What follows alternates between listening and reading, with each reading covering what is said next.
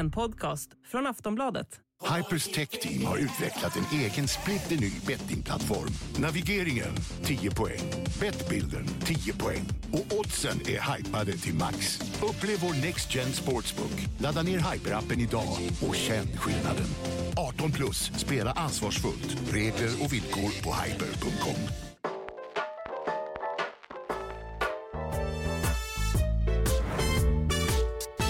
Vi säger god morgon och varmt välkomna till eh, Hockeymorgon. Vi har en eh, minst sagt fullspäckad timme att eh, blicka fram emot med, eh, ja, med Johanna och Knäckta. Välkomna hit såklart. Tackar. Och eh, Håkan Södergren, eh, även kallad Rosersbergs stolthet. Okej. Mm, okej. Var det Jag var något nytt? Jag visste inte, ja, jag visste, det visste jag inte om, men eh, det kanske var lite påhittad också. Nej, men jag har ändå skrivit ner det här. jag har i gjort mitt det, kök, ja, ja. Så att, ja. Då blir Henrik Schyffert lite ledsen alltså. Ja, Är det du och Schyffert som konkurrerar om... Vi eh, är födda liksom tvärs över gatorna så här, eller uppväxta på sidan. om, Så att, ja, men i Hockeyomorgon håller vi Håkan Södergren lite det- högre än Schyffert. Ja, lite olika Ja. branscher också. Ja, jag precis. hälsar Schyffert om jag träffar honom. Eh, Hur är läget med dig Håkan? Eh, Jag eh, faktiskt har det rätt så bra för tillfället. Jag eh, är så att säga på bättringens väg efter en höftledsoperation. Eh, Fick sitta och jobba igår med eh, fyra, fem, sex stycken väldigt bra NHL-matcher. Så att eh, för tillfället är det bra. Fått en kopp kaffe på morgonen. Man kan inte kräva så mycket mer med andra ord. Inte, inte min ålder. Du ska jobba ikväll också. Det är ehm, Champions League-finalen i, i, i hockey. Då. Eh, Skellefteå mot eh, Servette. Det är du och Tobias Dahlberg som kör på, på Viaplay. Stämmer. Vad har du eh, för förväntningar på, på matchen och vad tycker du om turneringen som, som koncept? Alltså jag tror att eh, turneringen som, som koncept är relativt bra nu för tiden skulle jag vilja hävda. Eh, jag tycker också att eh, vi i Sverige har lite svårt att, ska vi kalla oss, att, att uppskatta den på samma sätt som den kanske uppskattas utomlands. Eh, internationellt och där den har en mycket större, högre status än vad den kanske har här i Sverige. Och jag har lite svårt att förstå det riktigt för det är relativt bra matcher. Eh, Sverige vinner ju rätt ofta också. Så att det, det, liksom, det, det på något vänster accentuerar ju verkligen att eh, den svenska ligan är väldigt bra internationellt sett. Så att eh, jag har lite svårt för det. Va?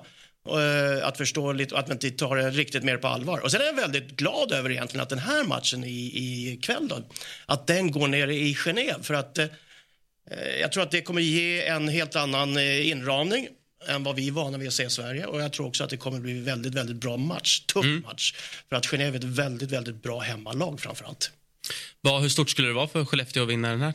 Ja, men det är klart. Det är ju en eh, trofé, alltså det är en titel. Sen är det inte... Hör jag en liten norrländsk brytning? Gör det. jag, tror, jag tror att vi är lite bias här. Inte så lite.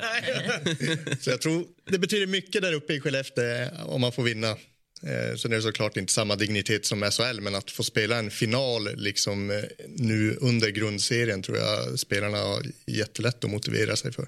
Tror du att man behöver liksom, eh, tror att det kan vara positivt inför slutspelet här i Sverige eller kan det nästan göra att man tappar fokus? Nej, jag tror det kan vara positivt. Nu är ju i stort sett alltså alla matcher är avklarade, bara en kvar liksom. Eh, Så jag tror det är skönt att komma iväg, få ett litet break och andas lite alpluft. Om det är högt beläget. Ja, det är lite, väl- mycket, lite mer sjöluft där. Ja. Genève. Vi såg hur bra det gick för Frölunda när de var borta i, i Schweiz över jul och nyår. Om jag tänkte vid, vid en vinst, alltså om man skulle vinna nu och det Jag kanske tror- blir lite jag tror inte det ska firande. underskattas. För att det är som sagt, Skellefteå, det, det var ett tag sedan de vann eh, riktigt. Och, eh, Alltså du, det genererar ju självförtroende, du har, får en helt annan syn på dig själv, eh, statusen, Eh, både bland eh, bort, alla andra SHL-lagen och internat självklart och sen i, i, i Bögda då som sagt va. Eh, Många som eh, kommer att ta ut snöskotrarna och köra runt med flaggorna. Exakt. Nu är vinst. Bara värma upp lite. Vad härligt. Du, eh, hör du någonting i din hörsnäcka? Eller? Ja, det gör jag. Ja, det gör Eh, inte jag nämligen. Nej, och jag vet då att det är dags för Per Bjurman. Bra. Det var det jag, Gör det?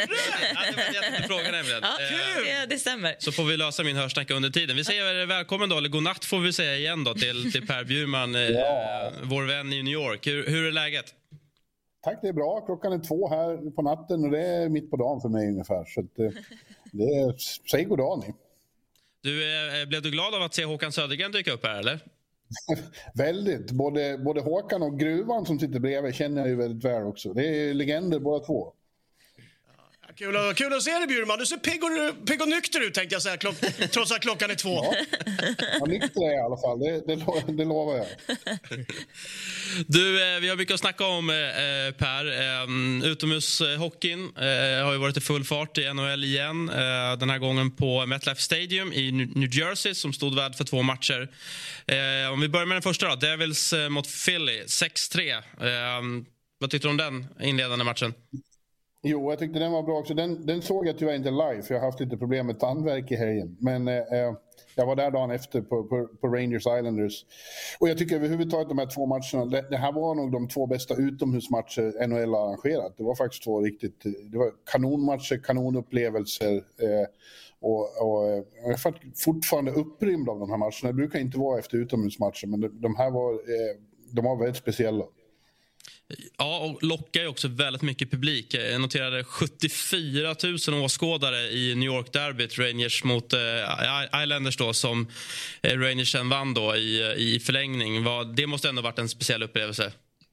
Ja, alltså de, åt oss sa de till och med att det var 79 000, alltså nästan 80 000. Och eh, ja, det var, det var faktiskt riktigt elektrisk stämning. Det har, väl, det har aldrig varit så många Rangers eller Islanders-fans samlade på samma ställe någon gång. Eh, så de här så trycket och måljublet och ramsorna, det var en wall of sound som, som man faktiskt blev lite tagen av och satt och gapade åt. Att det var så jäkla drag. Alltså. Du, eh, för de som inte har koll på eh, alltså, rivaliteten mellan Rangers och Islanders, går det på något sätt att uppskatta bland de hockeytokiga New York-borna hur mycket Rangers är det mot Islanders i liksom procentsats? Ja, både Rangers Islanders och, Rangers Devils är riktigt heta, infekterade eh, rivaliteter. Där framförallt Islanders och Devils-fansen verkligen hatar Rangers. De är liksom storebror, de är ju den gamla klubben här som har mest fans och är liksom storstad och betraktas som divor, precis som Håkans Djurgården back in the day. Tackar, eh, tackar. Eh, eh, och, och, och, det, är väldigt, eh, det är väldigt het stämning. Det är, det är inte sällan faktiskt som, som, som det blir slagsmål på läktarna eh, mellan, när de här lagen spelar för att de tycker så otroligt illa om varandra. Men är det liksom att eh, downtown New York, då håller man på Rangers och sen liksom Long Island är Islanders eller är det liksom 50-50 även inne i stan?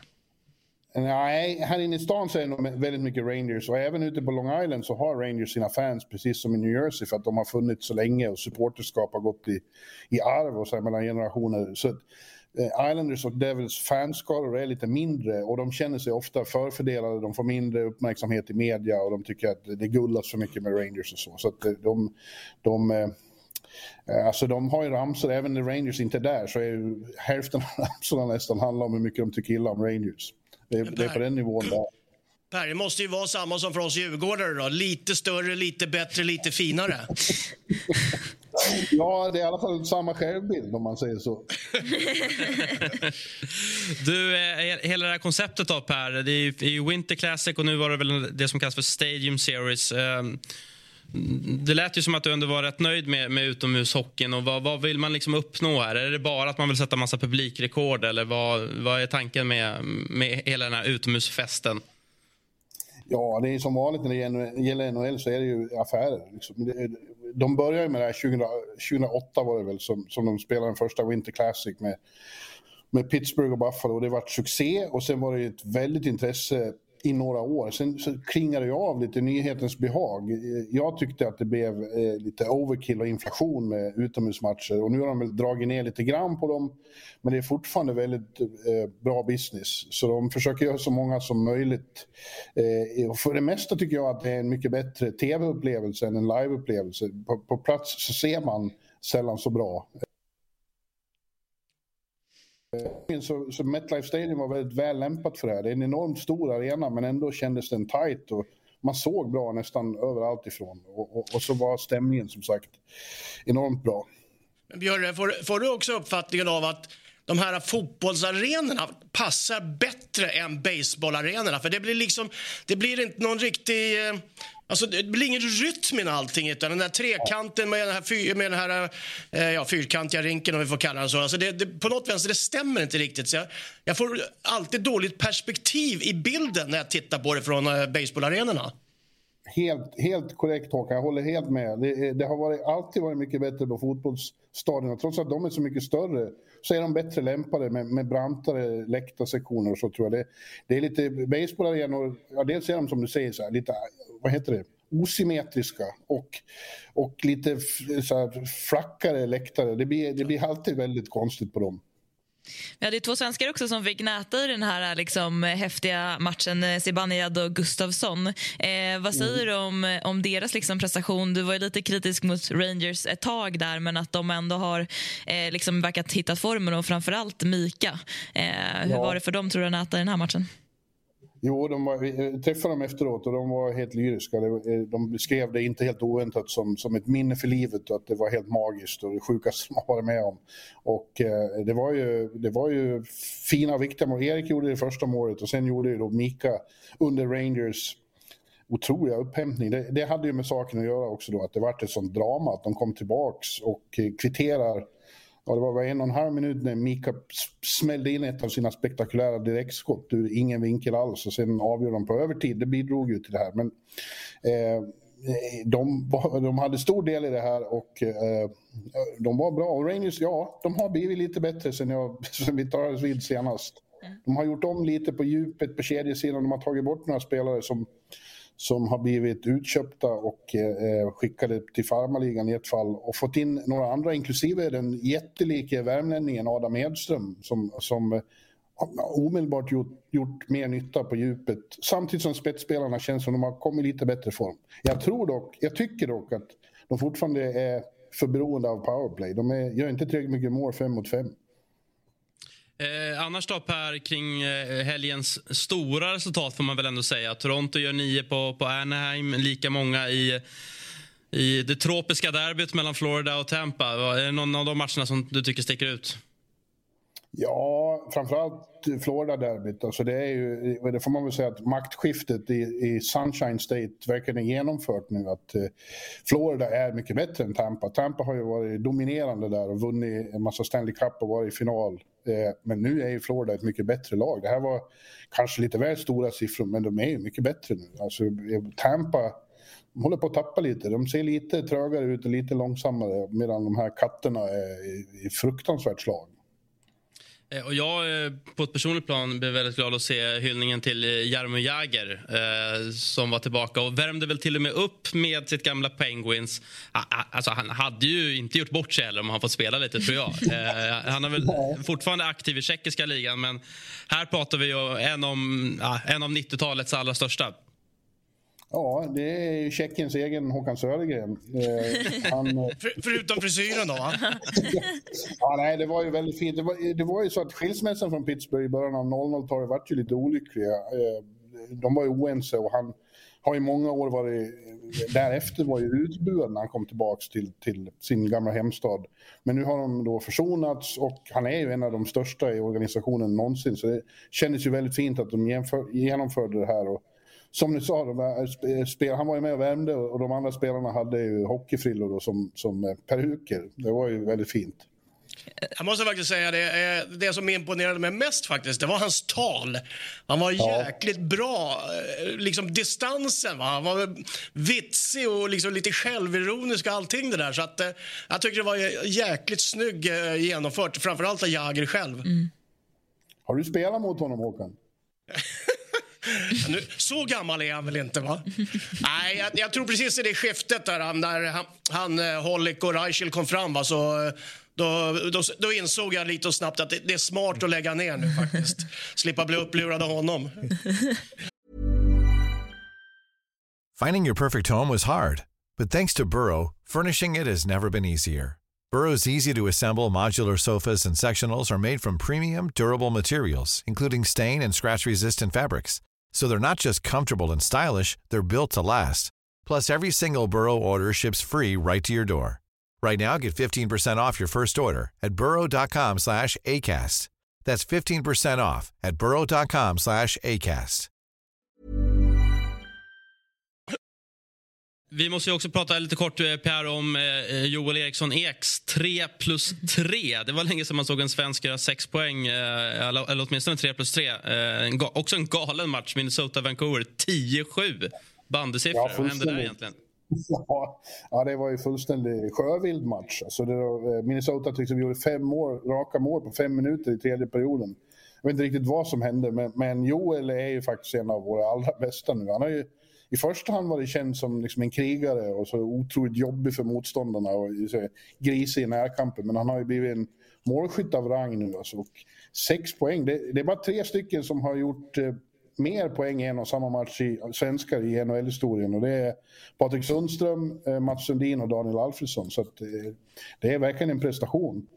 Eh, och jag är, jag är väldigt imponerad av hon, hela hans säsong. Alltså det, jag måste också säga, jag instämmer i föregående talare. Va? Och jag undrar, har vi haft en lika bra inside player som, eh, som Joel är nu mitt framför mål än eh, Thomas Holmström? Och i tillägg med den arbetskapaciteten och egentligen grundläggande spel också som center som Joel har. Va? Det, det, den typen tycker jag inte vi har haft i, i svensk hockey nästan sen Uffe Sterners tid. Alltså, och nu går jag tillbaka längre. Nu börjar ni titta Nu på droppar du ja, vem är det här? då? Vem är det här? Ja, värmlänning som värmlänning. ja, just det. Bra.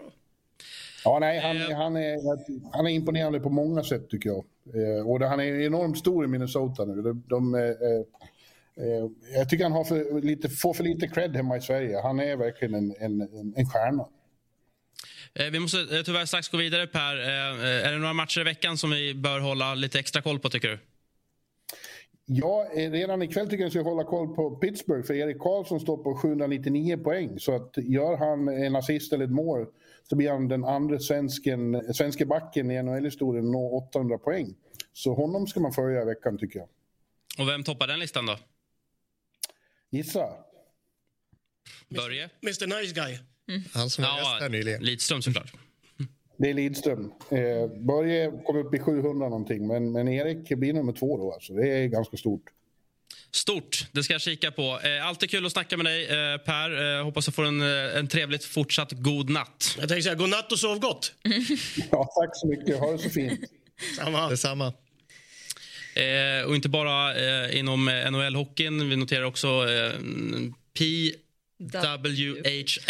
Eh, ja, men nästan 20 000 åskådare. Ja. Toronto och Montreal. Jag, jag påminner ju alltid dig när du kommer in här. Är det inte dags att göra comeback nu? Du hade kanske fått ett kontrakt Ja. här nu eh, över pölen. Ja, men jag sa ju det till er innan här att eh, när de här re- rekorden har slagits gång på gång nu under våren så, eller under eh, inledningen av serien så har jag typ drömt alltså, om att jag har gjort comeback för att det betyder så mycket. Eh, alltså på Är det natten. en mardröm eller är det en... Det är bara en, ta- en taggad dröm. En dröm liksom. Det skulle kunna vara en mardröm. Men, nej, men alltså man, man blir bara genuint glad för alla de som får uppleva det. Och De har gjort ett jättebra jobb där borta att liksom bygga det här från grunden på något sätt. Eh, Alltså intresset då för eh, en proffsliga. Plus att de, alltså spelarna hade de ju sen innan. Så de har ju otroligt eh, liksom, hög kvalitet i spelet. Men nu kommer publiken också. Jag tror att de har ju haft fullsatt i princip i varenda match sen de drog igång. Så att det är sjukt kul.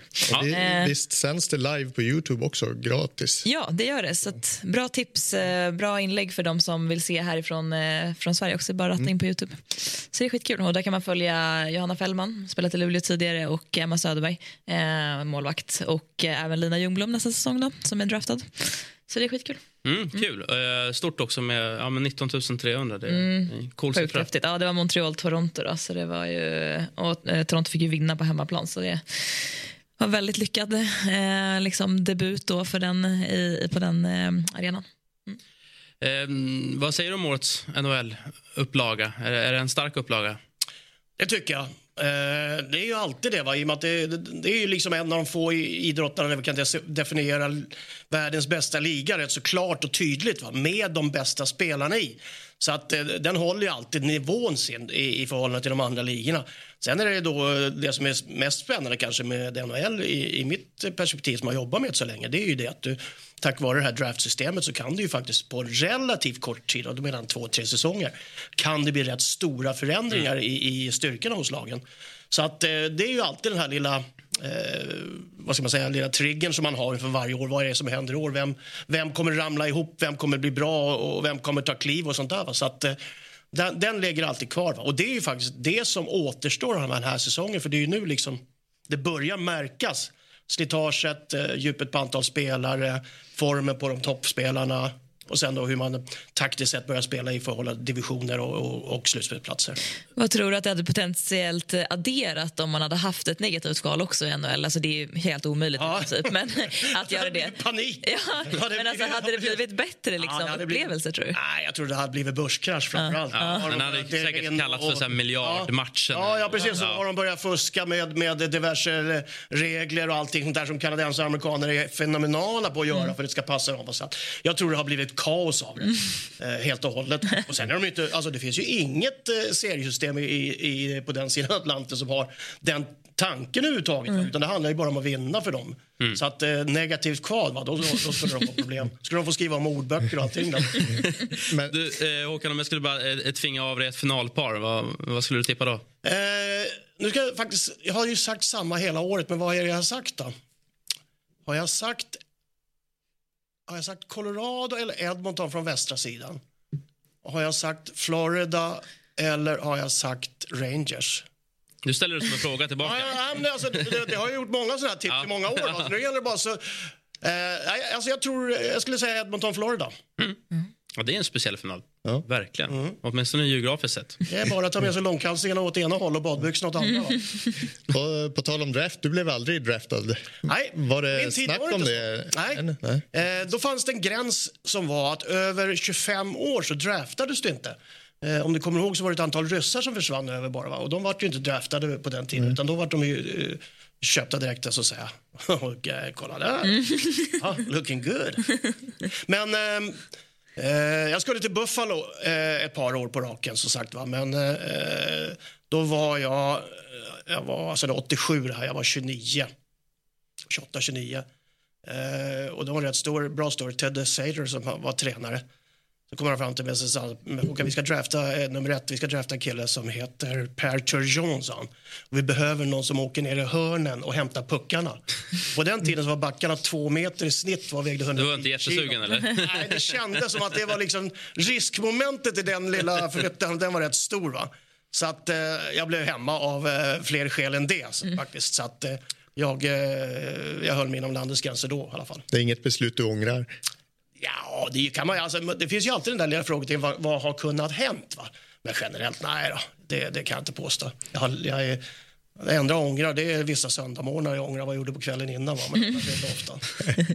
Men det blev, ja, Det vart ju rätt bra ändå tänkte jag säga. Alltså fyra SM-guld med, med, med Djurgården, eh, VM-guld, VM-silver. Eh, och en ja, men så här, jäkligt cool liga, alltså på 80-talet ändå, elitserien. Den var ju profilstark. Ja, det var det ju. Ja, då hade ju, alltså, vad, vad kan vi tänka oss att vi hade då? Hade vi en 15-20 NHL-proffs? Inga egentligen som spelade i någon eh, internationell liga, alltså i Europa på något sätt. Så att det var ju egentligen samma landslag. Eh, vi var ju samma landslag egentligen i så började i pojklandslaget så var vi en eh, tvåårskader där som spelade ihop hela vägen. Juniorlandslaget samma sak och sen kom man in i Vikingarna A-landslaget.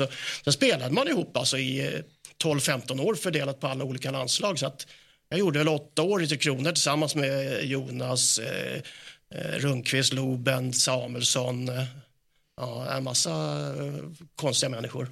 men du gjorde ju 14 säsonger i Djurgården. Hur högt håller du att du var i en och samma klubb i princip hela din karriär förutom avslutningen i Huddinge där? Och, Ja, jag bodde ute i Huddinge på den tiden. att Det var, jag, jag kunde gå till hallen så det var liksom lagom. Jag hade, jag hade ledigt på måndagar för att spela in tv-program till exempel. Det var inte så seriöst egentligen.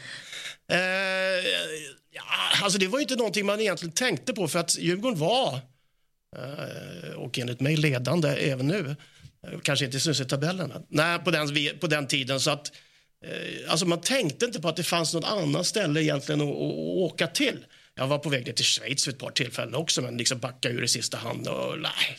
Det fanns liksom ingen anledning tycker jag för att eh, dels så hade jag det väldigt bra. Men sen var Djurgården, eh, de var lite ledande och liksom drev utvecklingen så det var väldigt spännande alltid att vara kvar i Djurgården. Mm. Eh, vi ska prata lite mer om, om din hockeykarriär lite senare Håkan. Jag tänkte först... ehm, Det är kul att se att det är bara svartvita bilder. Vi, har, vi har mer material, det tror vi. Eh, framförallt har vi väl, hoppas i alla fall, en bra musikvideo. Eh, Men ehm, eh, du har ju varit eh, aktiv i Norge också. Ja. Det är väl så att, bor du kvar i Norge? Ja. ja. Eh, ligachef i över 11 år. Ja. Eh, och varit med och verkligen ja, men på något sätt liksom expanderat sporten, kan man säga det ändå? Alltså, Ja, det kan man väl säga. Alltså, eh, det är som alltid i, i eh, och det här är rätt så spännande. Va? Det är många, vi har ju en diskussion i Sverige om Svenska ishockeyförbundets roll och det är samma sak om man i Norge. Alltså, ishockeyförbunden i respektive länder det är ju en samling av klubbarna. Klubbarna driver ju alltid utvecklingen av ishockeyn i länderna. Och Sen har man ett, ett gemensamt organ då, som kallas ishockeyförbund. Och det där är alltid lite missförstått. Det är inte så att Svenska ishockeyförbundet sköter ishockeyn i Sverige. Det är ju klubbarna. På samma sätt är det i Norge. Så att egentligen så är man, koordinerar man bara egentligen. Så att klubbar sköter ju utvecklingen väldigt olika distriktsmässigt. Alltså Norrland, titta på Skellefteå, titta på Kiruna på den tiden hur de drev egentligen stora delar av, av eh, talangfabriken för hockeyspelare i Sverige. Så att eh, eh jag tycker att det där har, det har fått en konstig, konstig bas för diskussion. Liksom, att man pratar om att förbunden sköter mm. eh, ishockeyn och utvecklingen. Utan det är klubbarna som gör. Va? Och så var det även i Norge. Va? Vi hade på den tiden när jag kom in då, så dök Stavanger upp och det fanns ingen ishockey på västkusten för att eh, klimatet och hallar fanns det inte. Och de byggde upp någonting och skapade någonting där som gav då en rätt stor utmaning för Oslo, Vålerenga och Frisk Asker till exempel som ligger i Oslo som är stora klubbar. Eh, de gav också en liten utmaning till Storhamar som förut hade varit en de som hade då eh, brottats med Oslo om vem som var herradömet i, i norsk hockey. Va? Och sen finns det nere i Östfold som det heter som är eh, Fredrikstad och Sarpsborg, Stjärnen och Sparta till exempel. Som också var liksom en, en sån här eh, som var med och, och slogs lite ibland. Så att klubbarna på det läset gjorde ett väldigt bra jobb. Och sen på slutet, de sista åren jag jobbade, så kom Narvik upp. Mm. Eh, som är då en, en, eh, rätt sällsynt fisk. Eh, alltså, ishockey norr om Trondheim existerade väldigt länge inte i, i Norge. Men så Narvik dök upp och eh, byggde också upp liksom ett litet hockeyfäste. Så att, eh, det var en rätt kul tid måste jag säga som var mycket sån här Ja, det är nästan lite sån här uppstartsbolag som man pratar om nu va, som, som dök upp då i, i hockeykretsar. Så att, det var kul men det var mycket jobb. det var det. Går det att jämföra hur eh, SHL är här i Sverige och hockeyn där liksom medialt? Hur mycket skrivs det i, i tidningar? Och, och ja, eh, tidnings, tidningsklimatet i Norge är väldigt annorlunda för det har otroligt mycket lokaltidningar ja. eh, jämfört med vad du har här skulle jag vilja säga. Eh, pappersavisen då, som är väldigt viktigare, den är mycket mer lokalt viktig än vad den är i Sverige. Så att det byggs ju, samarbetet klubbarna med lokaltidningarna är, är mycket mer tajt än vad det är i Sverige till exempel. Skulle du säga att det finns något som Sverige kan eh, lära sig av norsk ishockey? Eh, eller är de väldigt lika? Nej, alltså det, det finns en väldigt... Eh, jag tycker det särskiljer spelet i, i, i Sverige och Norge väldigt mycket. Hockey, hockey, i Norge spelas med puck. I Sverige spelar vi i, i stora grader ishockey utan puck mycket, mycket bättre än alla andra länder. Eh, Norge är väldigt, väldigt duktiga. De spelarna som är, kommer från Norge som är duktiga, de är väldigt skickliga med pucken, eh, skapar mycket, åker bra skridskor och liknande. Så att, Eh, det tycker jag det är en sån där särart som är lite nationell eh, oss emellan. Mm. Mm. Ehm, och eh, folkkär expert enligt många. Mm. Uh, jag är ju väldigt svag för begreppet Hawkeye. Ja. Du själv, uh, jag, jag, kommer faktiskt inte... Nej, jag tror inte jag ska ta åt mig det. För att uh, det där, positionen som sådan, eh, den... den eh, Väldigt göteborgskt, men, eh, ja, men bra. Precis, ja. Nej, men den, den tjatade jag på många år faktiskt. För Jag ville också ha vissa andra moment som jag försökte få in. Alltså hockeyplanen som sagt, in, in ljus, ett ljusbord inne på, på, i studion eller såna saker. Och sen den, Ja, när jag tittar på ishockey så står jag alltid på kortsidan. Jag står alltid och tittar på ishockey. För jag tycker jag får begreppet över banan hur det ser ut mycket bättre från kortsida högt uppe. Och den vill jag också ha i, i, i tv-studion så säga, eller i tv-formatet. Så det fick jag till slut och det mm. var rätt bra. Ja, och då var det faktiskt någon eh, jag undrar det var Micke Krantz. Nej, det kan inte vara. Är bara fan en göteborgare. Men då var det någon som kom upp och ja, fan, det här är ju Hawkeye. Så. att, eh, då liksom bara snurrade det till. va. Ehm, har vi lite tid kvar innan nästa intervju? Eller hur ligger vi till? Ja, jag har ju inget ljud. vi har lite tid. Vi har lite tid kvar. yes. ehm, men över 30 år har det blivit. Du har väl sagt att det är, det är två år till? Va? Den här och en till. Ehm, ja. Står du fast för det? Eller? Ja, du får ju fråga dem som jag skriver avtal med. Först och främst att säga, jag har inte avtal längre ändå. Så att, eh, men samtidigt skulle det passa rätt bra. som sagt. Jag fyller 66 då, det är VM i Sverige. Jag gjorde min sista VM som aktiv spelare på, i Globen 89. Så att, eh, det var bara liksom sån här, det såg så poetiskt bra ut när jag, liksom, när jag tänkte ut eh, mm inför förhandlingen. Bara när du säger VM, då var jag VM. Alltså jag får Ja, nej, liksom... det, är ju, det är ju kanske Jag ska, jag, den bästa, kanske den bästa sportlåten som har skrivits. Ja, Eh, absolut. eh, Alla dagar, måste jag säga. veckan. Och leveransen är väl liksom anledningen till att den eh, blev så folkkär, eller? Jag vill säga. Texten är absolut bra. Lasse Holm är en, Ja. han är en duktig låtskrivare men någon måste kunna leverera den på rätt sätt också. Ja, jag ska inte ta åt mig för mycket nära. Jag tror att det är mycket teknik bakom det där. Men en av få va, som har vunnit SM-guld och legat på Svensktoppen samma år. Va? Den kombon är ju väldigt, väldigt Ja, den, stark. tror jag, den, eh, den är det få som kommer att- att slå faktiskt. Då får de jobba, framförallt med sångrösten. jag. Helt otroligt. Jag, hade, jag ska bara dra en liten rolig historia, jag brukar alltid dra den. Jens Öling som jag spelade med och bodde ihop väldigt många år med landslaget eh, har en otroligt torr humor. Rolig så här, men får- man får verkligen lyssna, lyssna vad jag skämtar, han gör inte det. Vi bodde på hotellet i, i Gävle innan VM och då hade vi just gått upp i svensk, på, på Svensktoppen. Då kom Lotta Engberg och hennes orkester in i receptionen och Stensa stod där. Då gick Jensa fram till honom och sa, jag får gratulera, sa han. Ja, du ligger tvåa på Svensktoppen. Hon förstod inte riktigt det från början, men jag, jag tror det gick upp för henne. Brädad av, Ja, hockeygubbarna. Ja, det är underbart. Men eh, trillar in några stimpengar? Inte till mig, hör du. Men eh, jag, vad jag har hört så har Lasse Holm ett rätt stort eh, hus nere på skolan. Ja, det är bara din förtjänst. Ja, jag, jag, jag skulle vilja hävda det. Var, men var det givet för dig att göra lite comeback på tidernas hockeygala här? Ja, egentligen egentligen inte, för att Lasse ringde till mig och så frågade om jag ville vara med och, och, och sjunga på den. Så sa nej, för sjutton, sa jag. Det, det är ju bara fjantigt. Så. Och sen tog det ett par dagar och, och så ringde han igen och sa, har du ändrat dig? Ja, men, men kan vi inte göra så här att jag bara kommer in och sjunger en liten snutt? Jo, men vi hade inte tänkt att du skulle göra mer. Inte, så. alltså, då, då var det tänkt. hela. Ja, precis. Eh, Ja, men många minnen kan jag tänka mig. Har du någon sån här match som dyker upp i huvudet som, som du har varit med och kommenterat som du känner att det här var den roligaste slash bästa matchen? Jag gjorde ju bland annat den eh, vändningen från 1-5 till 6-5 i Helsingfors tillsammans med Lasse Kink på, på trean. Va? Det var ju rätt spännande. Eh, och det blir liksom hela, hela den eh, uppbyggnaden och, och Pebbens sista mål och Foppas runt. Alltså det, det, var ju, det var ju så många grejer i den matchen som var bra. Alltså, så att, eh, nej, det var, den, den tror jag är lite speciell. Va? Eh, jag, har gjort, jag har gjort otroligt många VM-finaler som har gått bra. Så att, Ja, det finns ett helt hav av matcher egentligen att, att prata om. Vi har två, två Stanley Cup-finaler också som har varit otroligt spännande och på plats. Så att, eh, ja, det har varit en, eh, det har varit ett rikt, eh, en rik karriär på det sättet. Mm, ja, 1-5 till 6-5, den, den minns man med glädje. En riktig klassiker. Cool fact a crocodile can't stick out its tongue. Also, you can get health insurance for a month or just under a year in some states. United Healthcare short term insurance plans, underwritten by Golden Rule Insurance Company, offer flexible, budget friendly coverage for you. Learn more at uh1.com. Nu, nu ser jag faktiskt här att vi har eh, besök av eh, Johan Södergran eh, från Modo. Eh, välkommen, god morgon, hur är läget? Tack så mycket. Det är jättebra. Hur är det själva? Fint ändå. Eh, kul att få snacka lite gamla minnen med, med Håkan, eller vad tycker du? Ja, det är aldrig fel. Många minnen. Har du stavat fel i ditt namn? Det tror jag inte. Nej, okej, jag bara kolla. Jag var lite orolig. nämligen. har det varit lite bättre med Södergren? Nej, Jag var lite orolig. Va? Ja. Det är liksom... Jag har fått den mig. frågan många gånger också.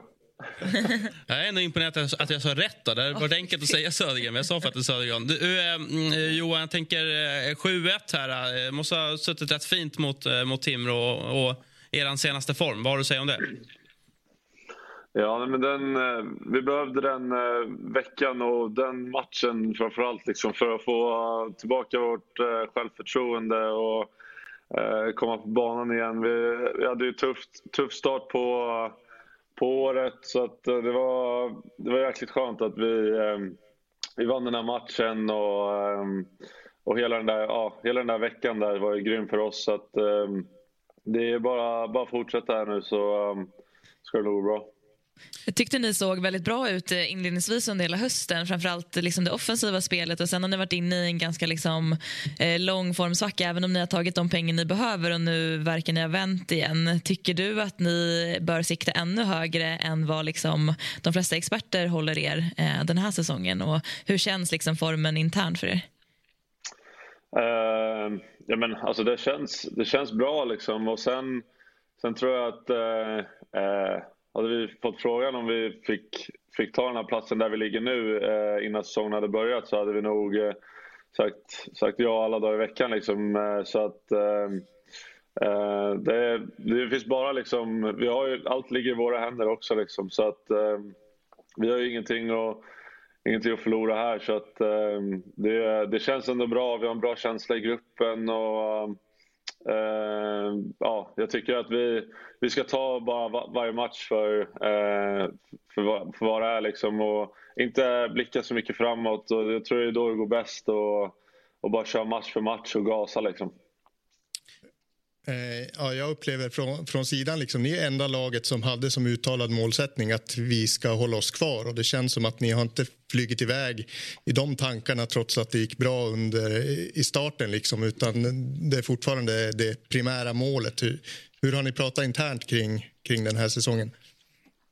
Nej, men det är väl, alltså just, just som jag nämnde, att vi, vi sa väl lite mer att vi ska vara eh, liksom köra på vår spelidé och försöka liksom... För vi vet att ligan är väldigt, väldigt svår och väldigt jämn så att vi sa att vi, vi, vi, kör, vi kör match för match och så eh, försök att inte, inte haka upp sig på, på, på tabellen liksom för mycket och ehm, eh, sätta någon direkt placering utan vi, vi får ta det liksom som det, som det kommer och bara gasa och eh, köra, köra match för match. Eh, nu minns jag inte Johan, var du, var du med i fjol och spelade upp eh, Modo? Eh, ja. Jag, jag tänker just kring att man, man kommer liksom från eh, en säsong som är väldigt framgångsrik eh, i Hockeyallsvenskan. Eh, ni spelar liksom offensivt och, och vinner mycket och sen så så ska man liksom ställa om och liksom klara sig kvar och alltså anpassa spelet till, till SHL. Känner ni att ni har behövt göra det eller har ni haft kvar mycket principer, det som gjorde er framgångsrika i, i Hockeyallsvenskan? Nej, jag tycker att vi har haft, eh, vi har haft vår, vår spelidé som, som vi hade i Allsvenskan så har vi tagit med den upp. Sen har vi gjort några justeringar som, som har varit nödvändiga och de har skett också på, på slutet här när vi, när vi gick lite tyngre och vi gjorde lite andra, lite andra förändringar som, som gynnade oss väldigt mycket. Och, eh, så så man, vi tog med oss mycket av det som vi, vi hade i allsvenskan men samma, samma så är det ju så att SHL är svårare liga liksom och eh, man får göra färre, man kan inte göra lika många misstag liksom då Eh, så att, så att vi, vi har gjort lite förändringar, det har vi, men ehm, eh, samtidigt så har vi samma liksom, stomme och, och grund att vi, vi vill åka mycket skridskor och vara mycket rörliga i, i anfallszon och, och det tycker jag vi, eh, eh vi har behållit och ska behålla också. Liksom. Det blivit en liten ny start för dig när du kom till Övik också. Du hade några år med mycket skador och ingen riktig kontinuitet. Och kan du berätta lite om din egen resa från, från och med att du skrev på för Modo? Ja, men innan så, så var jag i USA en sväng och uh, var skadad uh, merparten. Uh, så att uh, jag hade, fick göra ryggoperation som, uh, som hade lång rehab och, och sådär. Och sen så kände jag väl själv att jag uh, behövde få lite mer matcher i benen liksom och komma, komma i spel och, och sådär. Och så var Modo riktigt bra alternativ där. Jag fick spela spelade mycket och även fast man eh, gick ner en liga så kände jag ändå att det var det som behövdes liksom för att, eh, eh, ja men just som du säger, att eh, liksom få, lite mer, få lite mer matcher och eh, eh kontinuitet liksom. Så att eh, det var väldigt eh, välbehövligt och ett ja, bra beslut. Eh, och eh, för egen del, då, du nämnde ju Nordamerika en sväng. Du har ju också blivit tysk mästare. Eh, känner du att eh, du vill ut igen eller är det eh, Modo som gäller? Du har ju ändå kontrakt till eh, 2026. Modo är, det är nummer ett nu och sen, sen har jag bara gott att säga om Tyskland och Berlin som var otroligt rolig upplevelse och eh, väldigt roligt ställe att spela hockey på. Jag tycker den ligan har, har växt mycket eh, under åren eh, också. Där känns som att många, många fler kommer dit och man hör mer om den och, och sådär. Så, eh, ja, det är ett väldigt bra, bra och roligt ställe att spela hockey på men eh, just nu är Modo nummer ett. Eh, tyskarna dricker lite bira va, på läktarna? Ja, jo det var, var till och med reportern kom, kom ut på när vi vann och eh, tog med sig ölen och intervjuade medan. Så det var det är lite annat där faktiskt. Det är törstiga. De är ju det. Jag, jag har jobbat i Tyskland, fast med fotbollen. Det, det är lite samma jargong där. Ja. Eh, och avslutningen med, med, med Modo. Vad, vad, vad, vad tror ni kommer landa någonstans? Eh, jag tror vi tar... Jag tror att vi håller, jag tror att vi håller kvar det vi, vi har, eh, på det vi påbörjade förra veckan och eh, hamnar på sista play-in-plats. Kul, spännande. Eh, hoppas att det, det, går bra för ditt Modo framöver. Och eh, stort tack för att du var med oss. Tack så mycket. Tack. Ska vi ta eh, senaste SHL-matcherna då? Eh, avhandla dem innan vår nästa länkgäst. Ja, du bestämmer ju. Du, du är den enda som har Jag säger att vi gör det. Ja, då gör vi det. det, det uh, hur mycket följer du med i, i, i SHL-cirkusen? Ja, Hockeyallsvenskan är ju Sveriges viktigaste liga som du vet. Det är korrekt. Nej, så att, men jag följer med där också rätt så bra, det tycker jag.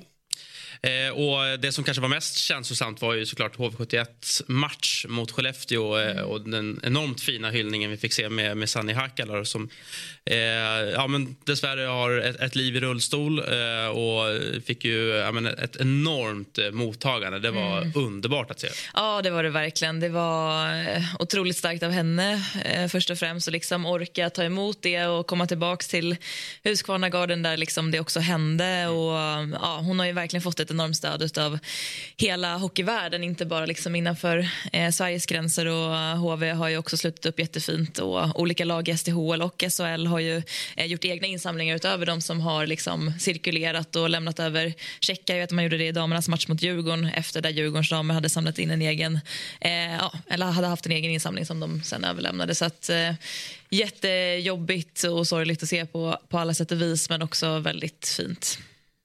Eh, om vi tar eh, det sportsliga. Eh, torsk för HV, kanske inte jätte... Liksom, stor surprise. Eh, men, men Skellefteå då? Eh, har man liksom räknat bort dem lite grann eller är det, är det en smygkandidat? Ja, men det är det absolut. Jag hade väl dem som en av fyra guldkandidater här för några veckor sedan. Men... En av fyra, det var våg. Ja. en av tolv.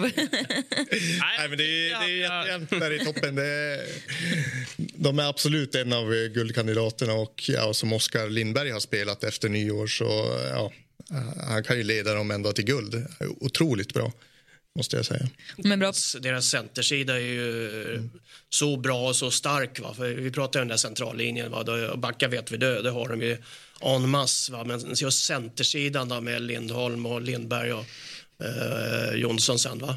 Varför mm. stavar bröderna Jonsson olika i sina efternamn?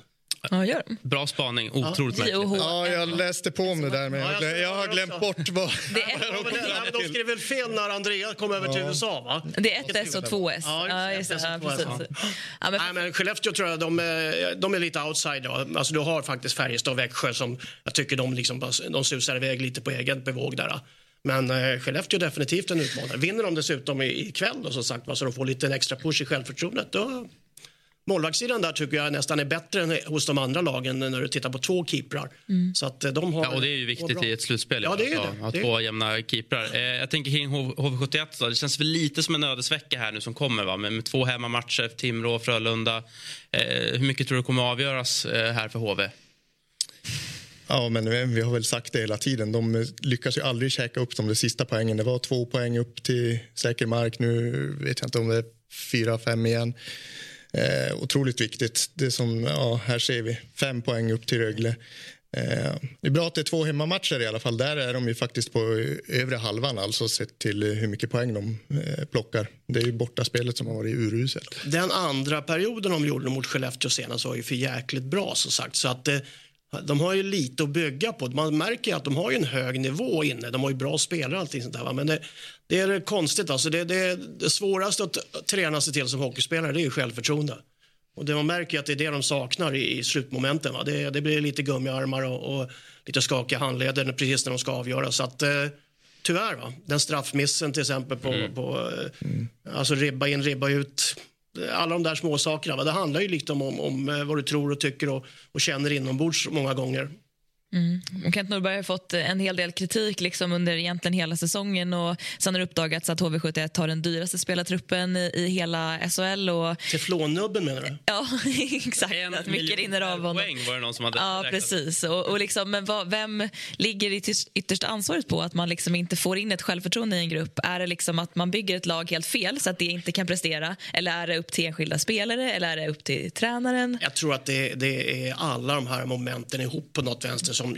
Alltså du, du har ju det här gamla, eh, gamla ordspråket du lärde dig. Alltså ingen, ingen kedja är starkare än den svagaste länk och hela det där paketet. Så att det handlar lite om det. För att Eh, självförtroende byggs ju ofta av framgångar va? och då börjar det liksom med bra träning, bra utmaningar internt i laget, eh, tränare som läser av situationer rätt, går in vid rätt ögonblick, justerar och allting. Och då bygger man ju på sakta men säkert upp ett självförtroende på det sättet och det genererar då i att spelarna vågar mer och eh, hjälper med varandra mer, och tvekar inte i moment och sånt där. Så att det, det, är, det är oerhört svårt att hitta så att säga en, en, eh, en teori som går att genomföra i praktiken va? utan mm där är den där fingerspitzgefühlen som de måste ha som tränare för att kunna, kunna bygga ett sånt. Jag upplever i fjol så gjorde ju HV en liknande resa. De klättrade över Ja. och, och Challe Berglund kom in som någon slags glädjespridare lite som assisterande coach där. Hur, hur viktigt kan det vara liksom Att Challe kommer in? Ja. Nej, det har jag aldrig upplevt som något, något positivt någonstans. Alltså. Nej, men det, jo, men det, det är också det. Va? Du, du, du måste hitta... Det är, det är nästan lite religiöst över alltså, Du måste hitta en tro på någonting. Du, du måste på något vänster se någonting som egentligen inte existerar och som du på, överför att det här är det som vänder allting. Och det är såklart, en ny röst är väldigt viktig i det fallet. Eh, det är också väldigt viktigt kanske ett par nya ögon som gör att fem, sex spelare som kan hamna lite på sidan får lite självförtroende, trycker på i träningen för att gruppen egentligen ska börja jobba lite extra, i alla fall de där eh, eh, som är uppe i toppen och, och vet att de har sin fa fasta plats. va. Så att det, det, det är som du säger, det, det, är små saker som eh, kan påverka. Va? Men att Challe skulle ha den påverkan, nej, det kan jag inte tänka mig. Ja, annat resultat som sticker ut är ju Leksand-Växjö. torsken, va? Precis. Och Leksand är ju... i- Challe-effekten. Ja, exakt. Fast liksom reverse. Jag tror inte jag ska ringa honom den här veckan. Eh, Så där ja, behöver de ju ta sig en funderare. Det skulle vara intressant att, att ringa upp Tjommen nu eh, när det går lite sämre och se hur han resonerar. Han säger Challe-effekten. Ja, Han det kommer. Eh, Vi kan ta en titt på, på nästa omgång också då kanske. Det kan vi göra. Mm. Vad sticker ut? Ja, ehm, jag tänker spontant att jag inte kan säga Örebro-Leksand. Men får du För säga det? Jo, Du har men ju det är ju viktigt. Rögle, Rögle, HV och Örebro där. Det är ju liksom, det, är- det är de tre matcherna som egentligen är, är de här skräckmatcherna. Va? Eh, De andra matcherna har ju liksom lite mindre dignitet. Malmö-Linköping i och för sig. Va? Malmö är ju också i det där läget att de börjar klättra rätt så bra. Luleå-Oskarshamn den känns väl rätt så solklar en etta där. Va? Modo-Skellefteå, intressant att se vad det blir för reaktion på Skellefteå efter eh, kvällens äventyr. Då?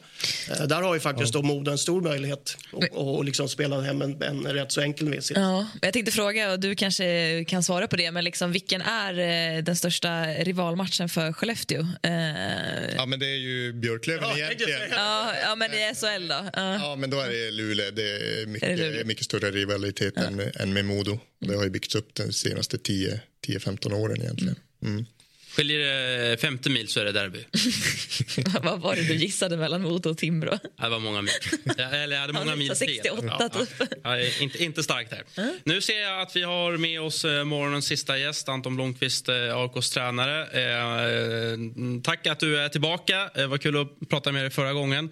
Eh, och på ett personligt plan så vill jag också tacka för eh, segern senast mot Djurgården. Mm, samma här. Tack själv. Ehm, 3-0 eh, och en ny nolla eh, mot Djurgården. Och den här gången var det ju lite ja, men det var ju omvänt. Det var ju ni som hade liksom hemmastödet. Och då kändes det lite som när AIK då eh, mötte Djurgården förra gången. Att det var Djurgården som liksom tog lite kommandot första perioden. Hade du den känslan också? Ja, det hade jag verkligen. Vi, eh, vi kom inte alls ut bra och eh, de är mycket bättre än oss i, i första perioden där. Så vi, eh, vi får tacka målvakten och vårt boxplay att vi fortfarande är med inför andra. Men sen så, sen så rycker vi upp oss lite och växer upp oss. Ja, men vad, vad, tycker du? Vad vad är det som liksom vänder på matchen här i, i, i mittperioden, tycker du? Nej, men jag tycker generellt sett att eh, över 60 minuter så är vi väldigt solida defensivt. Eh, även om de har ganska mycket skott och det är väl någonting som har varit ganska återkommande hela året. Vi släpper till ganska mycket avslut men vi släpper speciellt mycket från de heta ytorna. Eh, så jag tycker att även om de har ganska mycket tid i vår zon så är vi eh, väldigt trygga där eh, och släpper inte till speciellt heta, heta målchanser. Sen givetvis målvaktsspelet och, och boxplay har varit bra över tid. Så vi har tålamod i spelet och vi är ganska lugna även när, när Djurgården för matchen och sen så är vi effektiva. Vi utnyttjar de misstagen som Djurgården gör. Eh, och, eh, både inom fotbollen och hockeyn så pratar man ju ofta om eh, derbybaksmälla. Och det har man ju sett för ditt lag också, att det, blir oftast en torsk efter, efter en derbyseger. Hur jobbar man med, med den typen av bitar? Jag tror inte på det. Jag tror det är ett jävla påhitt om jag ska vara helt ärlig. Men vad beror, vad beror det på att det finns ett mönster då? Du kan inte ha den dialekten och så veta vad som händer i Stockholm och derby. Det, det kan du bara glömma Broman. Alltså. Det kan du bara glömma. Det, det kommer en definitiv baksmälla. Håkan är lite bitter där tror jag efter det senaste resultatet. Det är Håkan som är van vid baksmälla. Det, han får bära den stafettpinnen. Okej, okay, men du tror att det är en myt då? Men jag tänker alltså så här, det är ändå, alltså så här, det är ju en speciell match om man ska ladda om inför något, någonting annat. Eh, och jag tänker på statistiken att det är väldigt vanligt inom stora idrotter att det kan bli en liten, en liten rekyl så att säga. Ja, skämt åsido, jag förstår vad ni menar och jag köper det någonstans. Men jag, jag tycker att eh det handlar om att ladda om, precis som allt annat i vår värld. Vi, vi hade bra träning igår och vi behöver ladda om till dagens träning idag. Det är samma moment. Sen förstår jag ju det här med fulla läktare och eh, vi ska gå från ett fullt och åka ner till Karlskoga nu. Men eh, det är en utmaning i sig och eh, vi behöver se till att vi hanterar det på ett eh, bra sätt så att det inte blir eh, magplask som det blev mot eh, Kalmar sist. Eh, och ni har fått in lite eh, eh, nya spelare. Det känns ju i och för sig som att det blir nyförare till varje match när den här skadelistan då krymper lite grann. Men om vi tar den som ändå är ny, Nick Hutchinson från Västerås. Vad, vad är statusen på, på honom och vad ska han kunna tillföra till AIK här i, i slutskedet? Vi visste ju givetvis att han hade en, eh, en skada när vi plockade in honom.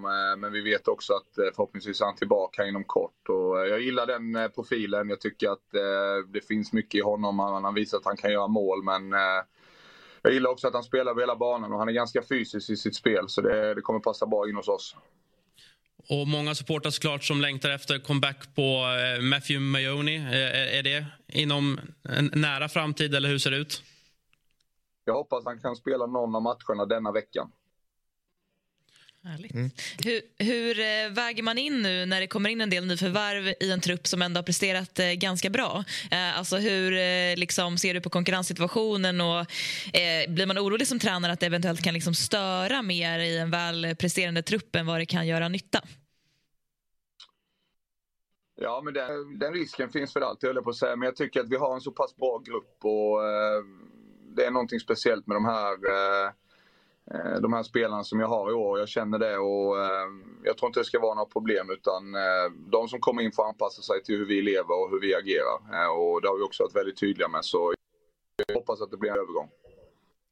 Du lyfter fram den här solida defensiven nu i matchen mot Djurgården. Nu har ni vunnit åtta av de nio senaste matcherna. Är det det också i stort som har gjort att ni, ni har spelat så bra på sistone eller vad hittar du för förklaring? Ja, men jag tycker det är nyckeln egentligen eh, genom hela säsongen. Jag tycker att eh, från egentligen eh, sent november, tidigt december och framåt så har vi varit väldigt trygga i vårt spel utan puck. Och som jag sa, går jag igenom den matchen och tittar på den rent objektivt så tycker jag väl kanske Djurgården driver matchen eh, över 60 minuter. Men vi behöver inte alltid driva matcherna för att eh, kunna känna oss trygga och det är i sig en jäkla trygghet. Så eh, vi, eh, vi litar på vårt målvaktsspel, vi litar på vårt spel utan puck och vi litar på vårt special team. Sen så tycker jag fortfarande vi har en del eh, att jobba med vårt offensiva spel. Jag tycker vi, eh, vi kan skapa mer och vi kan vara ännu mer intensiva och eh, se till att vi kan föra matcherna rent offensivt. Ja, alltså, du har ju verkligen lyxproblemet av att ha två väldigt bra målvakter. Får du brottas mycket med besluten nu kring, kring vem som ska stå eller går du bara på någon form av liksom, fingertoppskänsla? Jag har inte behövt brottas med det så mycket för det har alltid varit någon som har varit skadad, på att säga. Eh, och det är väl också kanske gjort att vi har lyckats spela in båda så pass mycket ändå. Eh, tanken var ju från, från start att, att, att Bibor skulle vara etta och det visste alla inblandade om, både Bibor och Norman. Men sen så har Bibor gått sönder två gånger i olika perioder och då har Norman fått eh, naturligt steppa upp och han har gjort det med bravur. Så och nu sin eh, i en väldigt lyxig situation där vi har två väldigt bra målvakter. Ja, men alltså inför ett slutspel, tänker jag, alltså om båda är tillgängliga. Eh, tänker du att du vill utse en, en lite mer etta eller har du inga problem med att rotera efter liksom dagsform? Bra fråga. Eh, jag tror eh, med mina kollegor behöver sätta oss in i den lite. Eh, I grunden så skulle jag nog säga att jag, jag vill gärna gå på en etta men samtidigt så har vi två bra målvakter och det jag gillar också med det här målvaktsparet att Ofta säger man ju det i vår värld men det stämmer inte speciellt ofta upplever jag. Men vi har ett par som verkligen stöttar varandra och det känns lite som att vi då har klivit in som en mentor till, till Norman och verkligen vill se att han ska göra bra grejer. Sen så i slutändan vill ju båda spela hockeymatch givetvis. Men de stöttar varandra på ett jävla bra sätt och eh, det kommer de behöva fortsätta göra för att återigen det, det finns bara en plats och eh, vi behöver hitta den som, som passar för just det motståndet oavsett om det är imorgon på onsdag eller eh, om det är ett slutspel längre fram. Eh, gott så Anton, trevligt att, att få snacka med dig och lycka till med, med veckans matcher. Tack så mycket. Tack. Där har du en till med bokstavskombinationer fel, du vet. Vad sa du? Norman, målvakten. Ja. Det är fel bokstavskombination där, vet Ja, det är norrman. norrman. Ja, ja, exakt. Just det, just det, just det, just det. Ja, du kanske är en, en, spelare du har haft lite extra koll på? Nej, men pappan han känner ju. Han är ju journalist. Jag fattar inte liksom att de kan ha bokstavskombinationen fel där. det, det, det, är lite orimligt tycker jag. Men du som djurgårdare, det, det måste svida lite ändå att ha tre av fyra torsk mot AIK? Det gör det, definitivt. Va? Och sen framförallt tycker jag på det sättet. AIK har ju, har ju fysiskt vunnit de matcherna mm. mot Djurgården. Ja, lite det, enkla misstag från Djurgårdsspelarna också. Jo, det kommer ju ofta av att man är stressad, man mm. känner sig lite obekväm och sånt och, och liksom inte riktigt eh, kanske har blicken hundraprocentigt på det man ska göra utan man är lite orolig för lite saker ska dyka upp här och där. Så att, eh, och det tycker jag, det, det är liksom lite... För det är ändå så när du hamnar i ett slutspel och, och uh, du kommer långt fram, va? Då, då är fysiska spelet är oftast väldigt, väldigt avgörande. Inte, och då menar jag inte på orka, va? men just närkampsspel och liknande. Och där tycker jag AIK har varit bättre i de matcherna man vunnit. Mm. Um, ja, ska vi hålla oss kvar i Djurgården-AIK-rivaliteten? Mm. Vad är den vanligaste frågan du har fått när, när det kommer till det? varför, varför vann ni så många mot AIK? ah, jag tänker nog på en viss kroppsdel ändå. ja. ja, det förstod jag också. Men eh, det var som det är. Det är rätt länge sedan nu. Ja, det är... och, eh, jag är väldigt glad för det finns inga tv-bilder på det. Det gör ju inte det. Nej. Jag är helt... Ja, men det, är, det är, en, är väl en klassisk är en crosschecking va? Över Mats Albas näsa. Eller det är en sving till och med va? Nej. Är det inte det? Nej, nej, nej. Okay, det finns inget... Det, det är lite, inga tv-bilder. Ja, det är preskriberat på det sättet menar jag. Ja, det, det, det, Albas näsa gick av kan man väl säga. Jag har sett ja. något foto när ni sitter och dricker kaffe och har näsan omplåstrad. Hur, lång, hur långt efter eh, händelsen var det? Det är morgonen efter. Var det så? Ja, ja. Nej, så det var inga större ja. grejer på det var till och med så Ankan, Ankan Anders Palmström då, sa vid tillfälle så här, det är ju faktiskt det bästa som har hänt Alba för han har aldrig fått en rubrik annars. men så kanske inte Matte kände det då. Va? Nej, men det var, det var mycket en olyckshändelse måste jag erkänna. Det var inget liksom medvetet, men det, det vart som det vart. Och så sagt, näsan kom dit den kom. Ja. ja, och ni hade ju några Holmomgångar just AIK-Djurgården där på mitten av 80-talet när, när, jag, när jag är född. För, ja. Så jag har ju fått höra om de där eh, finalserierna. Det var ju, alltså, hockeyn i, dels var ju hockeyn i Stockholm den som dominerade i Absolut. landet, va, i serien och allting. Och vi slogs ju SM-gulden året från år. år, år. Och, eh, vi hade väldigt bra lag. Eh, och det roliga var ju, så sagt, jag, jag spelade mitt första VM, eh, Mört och jag på höger och vänsterkanten och så hade vi Leffe Holmgren i mitten, AIK-centern. Så att det var lite sådana där saker som liksom, helt plötsligt så var, var man tvungen att morsa på varandra lite. Va? Eh, men eh, det var, och, och, då var ju då, eh, alltså fotbollen var ju egentligen nere popularitetsmässigt i Stockholm. Det var ju 2-3 tusen på matcherna Visst, på och det var ju hockeyn som drog, mm. ända från augusti till ja, april egentligen hela tiden. Så att, då, då var det hysteri runt AIK och Djurgården faktiskt verkligen. Då. Det var, ju, det var ju rätt hemskt på vissa grejer på, på läktarna och efter matcherna. Va? Det var ju tufft alltså. Det var överdrivet tufft. Mm. Eh, och en annan sak som man tycker liksom är coolt när man blickar tillbaka just på, på din karriär och 80-talet. Alltså att vara med och få möta det här fantastiska Sovjet ja. och sen på något sätt ändå plocka isär det ja. lite grann. Hur, går, det liksom så här, går det att förklara för kidsen hur jävla bra ryssarna var? Nej, det gör ju inte det. Va? Det är på, på, samma sätt som jag kan... Alltså när jag räknar upp det så mötte vi alltså Vi mötte Sovjetunionen, vi mötte Tjeckoslovakien, vi mötte Östtyskland, Jugoslavien. Alltså det är länder som inte finns längre. Nej, exakt. Och, och börjar du då titta på ett perspektivmässigt på, med, med de liksom blicken va? och sen börjar man förklara liksom skillnaden mellan, eh, mellan eh, sovjetiska hockeyspelare och, och eh, övriga får vi väl kalla det då. För att deras träningsdoser deras träningsmetodik och, och, och forskning som egentligen i, i, i tillägg till det så var det ju liksom Ja, ser man på det lite i backspegeln så blir man själv rätt imponerad av vad vi lyckades göra. Ja, men just den här hopplösheten. Det finns något sånt klassiskt klipp tror jag, med är det Lasse Sandlin va, som är, eh, tränare va, under no, no, några år. Tommy Sandlin. Ja, Tommy Sandlin. Lasse förlåt. Sandlin var på, var på din tidning, han vet. Nej, ja, jag, jag är faktiskt inte sportblad. Alltså, du är inte sportblad? Nej, jag, Ja, ja, jag, ja, jag, ja. är freelance. Ja, ja, det är. Eh, To- Tommy Sandlin. Och då frågar de honom så här, "Ja, men har ni någon chans mot liksom, Sovjet imorgon? Och han bara så här, nej. det var liksom det var man visste. Det, var, det blev väl så här 1-11, 1-12 och såna Ja, där det, siffror. tre, det året Ni gjorde mål en gång, det var stort minns Ja, jag. men vi, Va? gjorde, vi hade, alltså det året, eh, ja det, jag tror faktiskt att det, det är 86. Så hade vi tre matcher mot ryssarna mot Sovjet då innan. Och det vi var 0-10, 1-10, 0-10 tror jag. eh, och då var ju Pekka Lindmark skadad i den matchen vi skulle möta eh, Sovjet då, i Moskva. Och då var Åke Liljebjörn andra keeper och Åke Liljebjörn hade stått de matcherna vi hade släppt in 10 på. Så då sa ju då Curre Lindström och Olle Österman ledare, det går ju inte att ha Åke, vi måste ju chansa med Åslin, sa. Bara liksom för att göra någonting annat. Och det höll ta med 17 på att lyckas. Jag tror vi torskade med 4-3 där. Eh, Thomas Sten hade skott i stolpen på 3-3. Och sen så kontrade de upp och gjorde 4-3. Va? Så att eh, då på något vänster, 86 i Moskva, någonstans där liksom föddes nog den här lilla Ja. lågan i det laget som var. Och då började vi också närma oss Sovjets fall som nation. Eh, men, men sportsligt då, vad var det som gjorde att ni ändå liksom kom ikapp där då? Det var nog det att vi, eh, och det ska man eh, lägga lite bidrag på. Du pratar om Djurgården och AIK, där Lefferborg kom in rätt så tidigt på 80-talet och ökade träningsdosen för oss. Vilket i sin tur ökade träningsdosen hos alla andra lag också.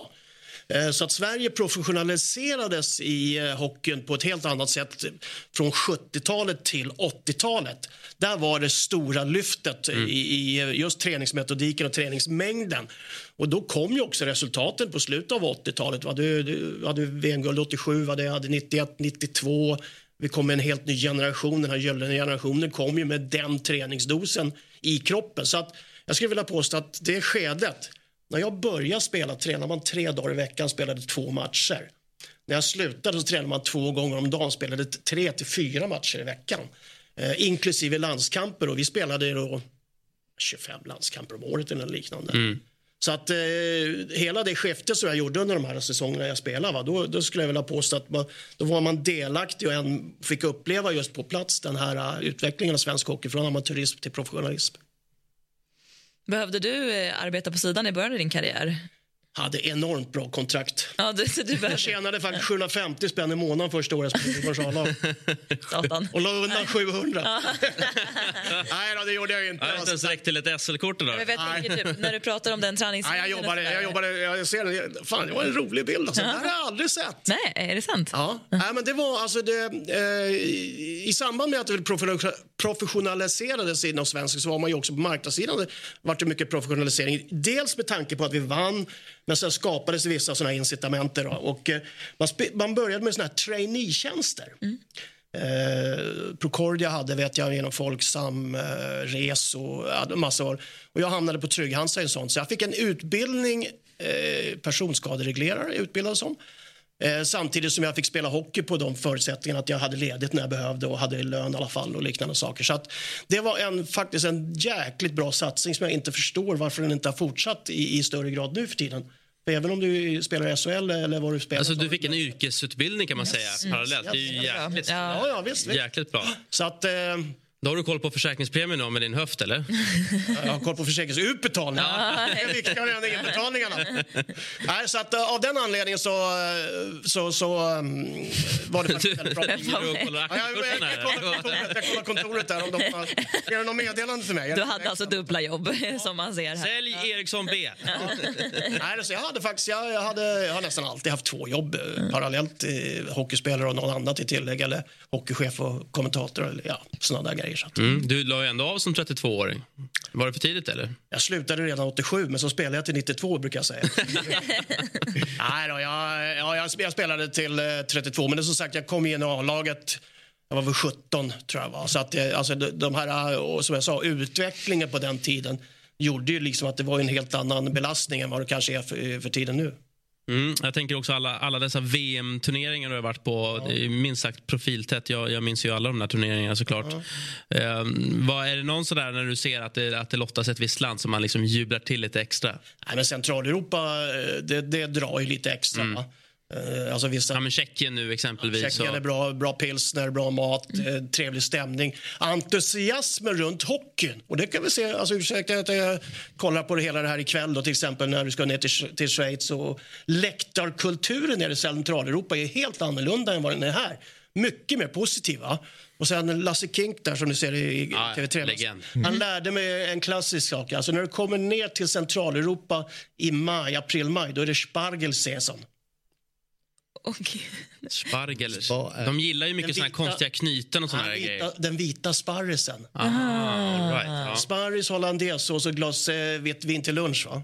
Ja, men det är ju ett jäkla gäng det här alltså med Åke Unger och Borken och Lasse Kink. Och jag, Ja, alltså så här, förlåt, men jag Ja, men- saknar ju när ni, ni hade ju alltid någon B-kändis med som skulle tippa matchen och fick en pott med pengar.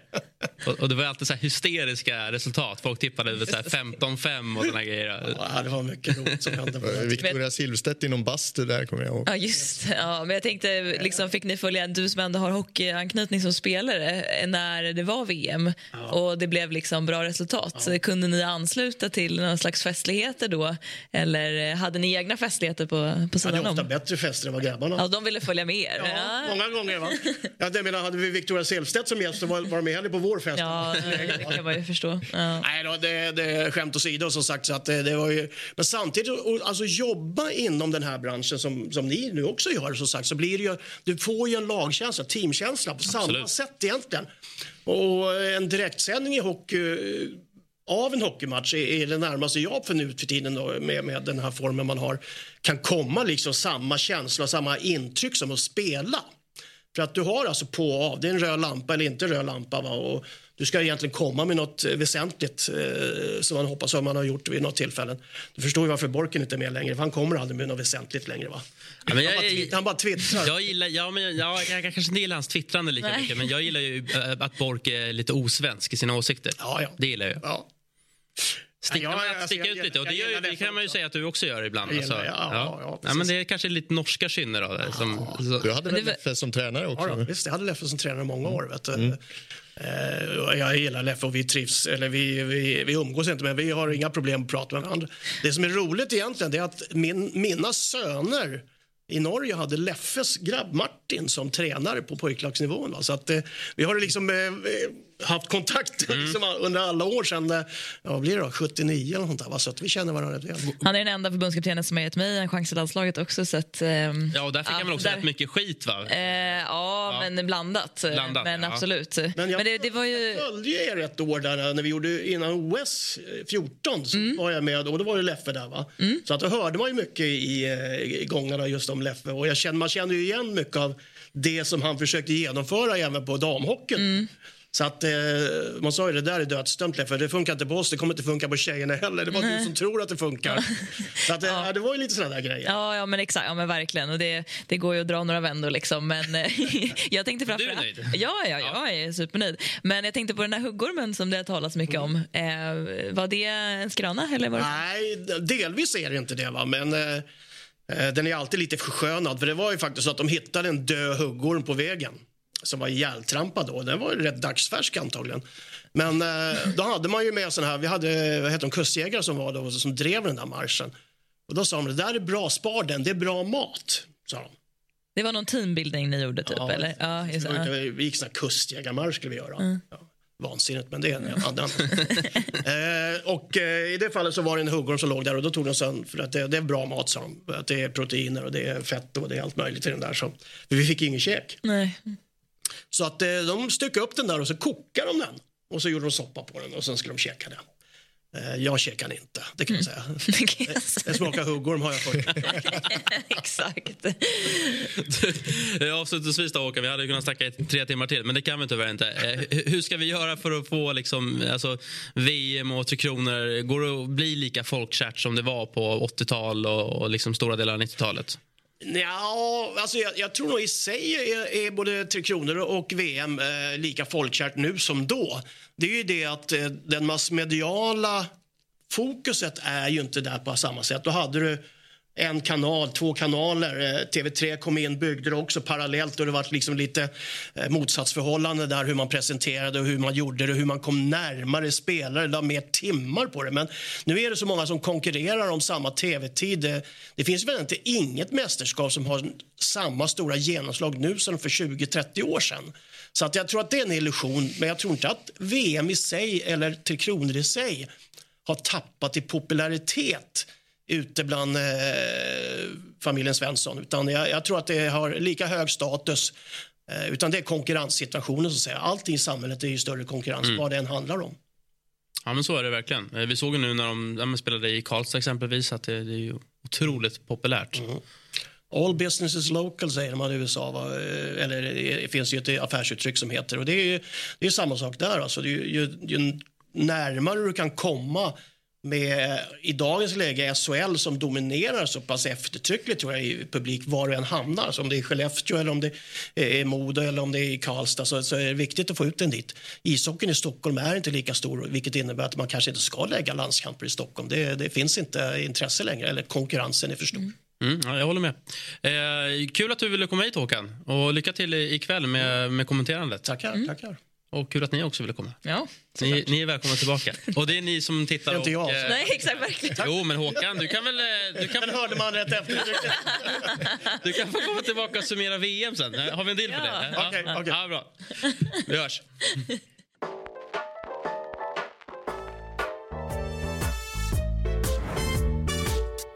Du har lyssnat på en podcast från Aftonbladet. Ansvarig utgivare är Lena K Samuelsson.